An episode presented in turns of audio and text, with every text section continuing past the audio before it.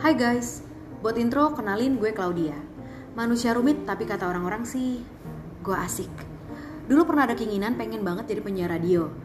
Tapi kayaknya udah deh dilupain aja. Soalnya gak sesuai gitu loh sama kerjaan gue yang sekarang. Tapi kalau ada kesempatan, ya boleh deh. By the way, gue kerja dan juga sekarang masih jadi mahasiswi tingkat akhir. Eh, tapi nggak tingkat akhir sih, karena lebih tepatnya sekarang gue udah masuk tahun yang ke-6.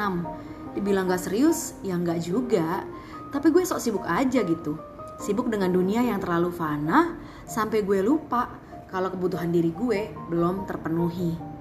Podcast ini gue persembahkan setiap minggunya buat semua orang.